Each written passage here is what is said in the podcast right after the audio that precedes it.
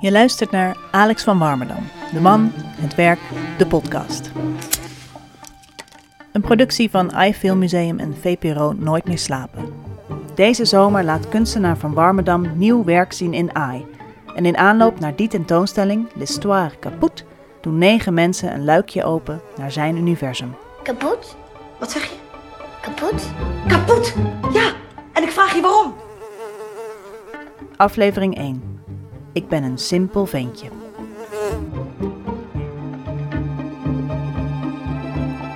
Moet je hier kijken. Deze foto's van Kaatje is verdronken. Ik was hier 28. Hier Alex met dat leren jackie. En de hele band ernaast. ah, het was een Olga Zuidenhoek. En ah, het was zo'n ongelooflijk leuke voorstelling om te spelen. Als ik het terugzie, denk ik ook, het was gewoon een droom die uitkwam. Ik was 28 en ik mocht met Alex van Warmerdam werken en in zijn wereld stappen en zijn taal spreken. En het was een, een droomproject. We hebben dit 70 keer of zoiets in Nederland gespeeld. En daarna zijn we nog op tournee gegaan naar Engeland en Ierland. En een ongelooflijk goede tijd beleefd. Ze had zich nog zo voorgenomen niet in de verleden tijd te gaan spreken. Want laten we niet doen alsof we een necrologie over Alex van Warmerdam maken. Maar praten over haar werk met hem maakt bij actrice Ariane Schluter pure nostalgie los. Het is dan ook nogal een tijd waarin ze samen oplopen.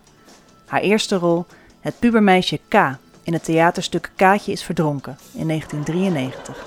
Ja, expres moeilijke woorden gebruiken. Prematuur, flegmatiek, Schopenhauer.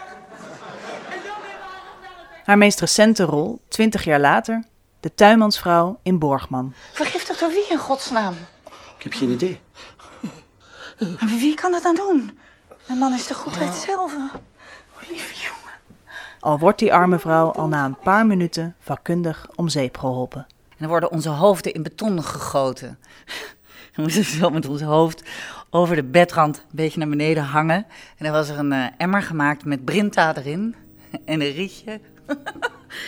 En dan konden we daar nog een beetje lucht door krijgen door dat rietje. En dan moesten we dus met onze hoofd in, in die brinta hangen. is leuk hoor. Echt leuk om te doen. Wat ik altijd heel fijn vind aan het werken met Alex is dat je in zijn universum stapt. Het zijn zijn kaders. Het is een wereld, een totaal geconstrueerde wereld met uitgekozen taal. En uh, en tegelijkertijd heb je daar heel veel vrijheid in. En hij, hij is zelf ook uh, in de producties dat ik samen met hem heb kunnen spelen. Dus dat was in Kaartjes Verdronken, maar ook in Kleine Teun, in de Jurk en in Ober. Dat is zo ontzettend leuk om met hem te spelen, omdat hij um, zich dan onmiddellijk als een acteur opstelt. Dus hij gaat dan ook lopen voeteren op de taal. Hé, wat staat hier nou en wat betekent dit en wat heeft de schrijver hiermee bedoeld, bij wijze van spreken? Nou, soms was het echt letterlijk zo.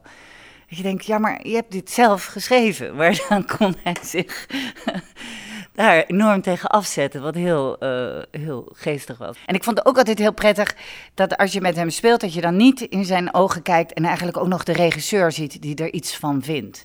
Hij gaat dan echt helemaal in die rol en speelt met jou die scène dat betreft vond ik ook heel gewaagd wat hij in Ober deed. Dat hij daar de schrijver ten tonele voerde. En dan op een gegeven moment hebben wij een scène waarin de schrijver dus op de letter E is blijven hangen. En dan speelt hij tegenover mij de E. Omdat hij blijft hangen in... ja. Is dat vaak over omdat jullie in lachen uitbarsten? Nou, als je heel goed kijkt, dan zie je, omdat ik dan op de rug ben gefilmd, maar dan zie je heel klein beetje aan de zijkant mijn gezicht schudden van het lachen. Ja. Ja, ik denk dat ik Ober misschien wel het beste werk vond. Vind. Joost van Heesik is film- en theaterregisseur bij muziektheatergezelschap Circus Treurdier. Met Treur TV maakt hij bizarre televisie over stripfiguurachtige personages in een dystopische parallele wereld. En Ober vindt hij dus een hele goede film. Spijt me dat ik je zomaar binnenval, maar je gaat te ver. Jezus, man, wat verzin je allemaal? Dit is toch geen doen? Wat krijgen we nou? Je hoort hier helemaal niet te komen, je bent fictief. Waarom buig ik voor die zaken, man? En waarom geef je me geen weerwoord? Dat is het verhaal. Wat is het dan voor verhaal? Die film raakte mij op een soort uh, gekke plek waar ik zeg maar, bij veel van zijn films ik daar toch met een hele professionele maar ook liefdevolle blik naar kijk, ik vaak niet per se tot het diepst van mijn ziel geraakt word. Het is meer een soort ook een hoofdspel of een, een soort ongemak wat ik heel spannend vind. Maar bij Ober eh, merkte ik dat die film me wel raakte, omdat het zo over eh, nou ja, ook een soort existentiële nachtmerrie misschien wel gaat van een personage die eigenlijk geen eh, diepte heeft, omdat er niks bijzonders aan hem is. Ik denk dat bij mij dat in ieder geval wel een gevoelige snaar raakt of zo. Of dat je denkt, mijn god, je zal maar zo zijn. Of ben ik niet eigenlijk ook zo? Heb ik eigenlijk wel een bijzonder leven? Ben ik bezig met een, met een Aristotelische boog te maken in mijn leven? Wat, waar gaat het eigenlijk allemaal over? Dus die, die film vond ik heel spannend daarin. En mijn vrouw, die zieke vrouw, wat moet ik daarmee? Jij moet het zwaar hebben. Maar het is meer dan zwaar. Het is onverdraaglijk. We hebben met Treur TV natuurlijk ook een hele uh, gestileerde wereld neergezet. Ik denk wel dat we in zijn uh, traditie plaatsnemen, waarin we eigenlijk zeggen van we geven een wereld vorm en die wereld is een uiting van iets waar we het over willen hebben. En dat vind ik heel vanzelfsprekend, ook omdat ik eigenlijk uh, ook met de andere treurdieren een achtergrond in het theater heb, waarin dat heel vanzelfsprekend is. Je, het is expressief, uh, het is vormgegeven, het is gestileerd. Um, en dat zie je in Nederland niet zo vaak, maar in zijn werk is dat een soort rode draad eigenlijk. Dat we altijd zoeken naar een vorm van verbeelding, een vorm van vervreemding. En niet gewoon om iets te vervreemden of om gek te doen of, of om, omdat het grappig is, maar juist om iets uh, darks, iets sombers weer te geven. Een soort uh, ja, onderbuikgevoel wat, wat onder dat drama ligt. En dat, dat uh, denk ik dat ik heel erg uit zijn werk heb meegenomen. De taal is de ingang. Voor mij is in ieder geval bij, als ik bij hem speel, de taal de ingang. Zinnen als. Koppen heeft een verraderlijk gezicht. Zo'n gezicht dat veel voorkomt. Dat vind ik zo typisch een Alex van Warmerdam zin.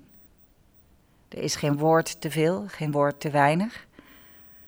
En het heeft altijd een uitspraak waarbij hij iets zegt van, met een blik die net niet per se 180 graden is gedraaid, maar wel 60 graden is gedraaid. Dat je net met een andere blik op de werkelijkheid kijkt. Koppen heeft een verraderlijk gezicht. Zo'n gezicht dat veel voorkomt. Omdat hij het in die vorm giet, daardoor, daardoor komt het op een andere manier binnen, geloof ik. Is het mogelijk om, om Alex en teksten verkeerd te spelen? Ja, ja, zeker. Je moet eigenlijk zijn teksten niet te naturalistisch spelen. Je moet zorgen dat de taal uh, ook. Je moet, je moet zijn teksten iets optillen. Daarom mag je ook helemaal geen heetjes, eutjes, oortjes toevoegen. Daar is hij allergisch voor. En uh, dat begrijp ik heel goed, want dat ondermijnt zijn taal. Dat maakt het te gewoon. Dus je moet, vind ik, zijn taal behandelen als gedichten. Alleen wel met uh, absoluut niet verheven of gedragen. Wel met de concreetheid, voeten in de klei. En wel het personage, dus wel de emotionaliteit ook ervan. Dat is wel belangrijk, de combinatie met de emotionaliteit, ja. Dat wil hij wel, dat je dat doet. Ik kan u de kabeljauw aanbevelen met mosterdsaus of een uh, schnitzel. Schnitzel, is dat kalfsvlees? Ja. Dat eet ik niet. Is die kabeljauw vers? Uit de diepvries. Tegenwoordig is alles uit de diepvries. Is dat zo? Ja. Ben je nu eens een gedicht aan het lezen? Ja. Is het helemaal niet dat hij ook uh, gedichten schreef? Zal ik het voorlezen? Ja, waarom niet? In dat prakje kan meer zout. En die tweede borst is te veel. Snappen jullie dat niet? Dat papa mij verschoont is tot daaraan toe. Maar is het van belang dat hij mij optilt met die harde tuinmanshanden? Wat is dat klagelijk geluid? Muziek, zegt mama. Oh, die viool, zegt papa en begint te huilen. Papa in zijn zeikert. Mag hij weg of een doek eroverheen?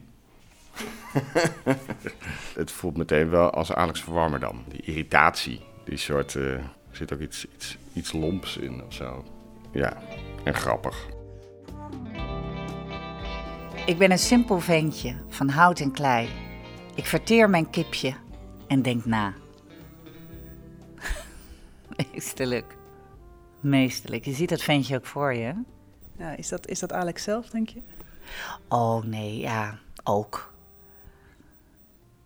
Ja, Dan kom je meteen op dat gebied van het psychologiseren van Alex zijn werk. En dat is ondoenlijk. Dat wil hij zelf niet, maar het is ook ondoenlijk.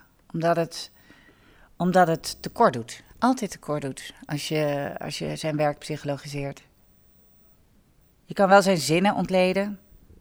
Kijken welke werelden die oproepen. Maar het echt één op één verklaren van zijn teksten, zijn dat is gelukkig ondoenlijk. Ja, maar het is mooi gedicht. Ben je daartoe geneigd geweest? Of heb je dat geleerd om het niet te willen doen? Dat psychologiseren van zijn teksten? Nee, ik denk dat ik van nature dat eigenlijk uh, zelf ook niet doe.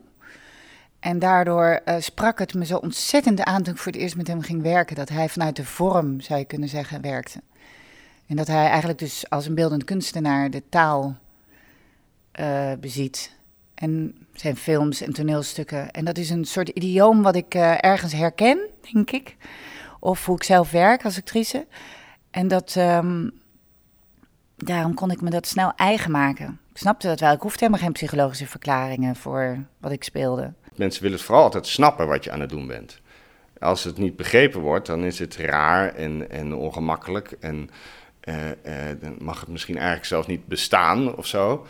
Uh, daarom begrijp ik ook zo dat Alex zijn werk niet wil uitleggen of er eigenlijk niet te veel over wil zeggen. Omdat dan maak je het stuk op een bepaalde manier. Dan is het, is het niet meer hoe je het bedoeld hebt, omdat je hebt gezegd. En dit wordt ermee bedoeld. Dus dan zien mensen de film en wat de regisseur erover zei, wat zijn bedoeling was. En dat is uh, zonde, want dan hoef je er eigenlijk niet meer te maken. Maar er is wel een, een sterke uh, neiging toe, anno nu, dat je als maker van het werk ook uh, verschijnt en er wat over zegt. En bij de wereld draait door een pitch doet voor je plan. En uh, mensen begeisterd raken door wie jij bent. Terwijl het gaat om het werk. En dat is, lijkt me echt problematisch. Ik heb daar op dit moment nog helemaal geen last van. ik, ik, hoop op een dag dat ik daar last van krijg, ja. Het is wel, uh, Alex is altijd, als ik toneel met hem doe, dan worstelt hij altijd met het einde van de stukken. Moet hij vaak nog afschrijven terwijl we al aan het repeteren zijn.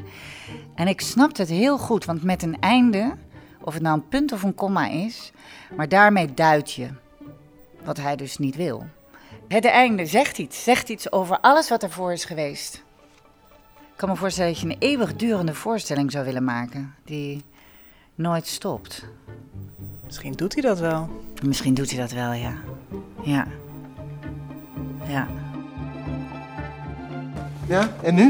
Ik heb geen idee. Het is verpest. Zeg maar wat je wil, Edgar.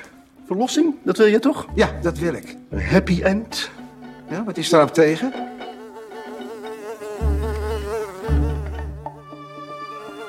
Dit was Alex van Warmerdam. De man, het werk, de podcast. Een productie van AI Filmmuseum en VPRO Nooit meer slapen. De tentoonstelling L'Histoire Caput met nieuw werk van Alex van Warmerdam is vanaf 10 juni te zien in AI in Amsterdam. In deze aflevering hoorde je actrice Ariane Schluter en film- en theaterregisseur Joost van Heesik. Je hoorde fragmenten uit het theaterstuk Kaatje is verdronken van de Mexicaanse hond uit 1993 en uit de films Borgman uit 2013 en Ober uit 2006, waarvan de muziek gecomponeerd werd door Vincent van Warmerdam. Research, interview en montage door Eliane Meijer, eindredactie Anne Moraal. Voor de hele serie kijk op www.vpro.nl slash vanwarmerdampodcast of op ifilm.nl slash vanwarmerdam. Kapot? Wat zeg je? Kapot?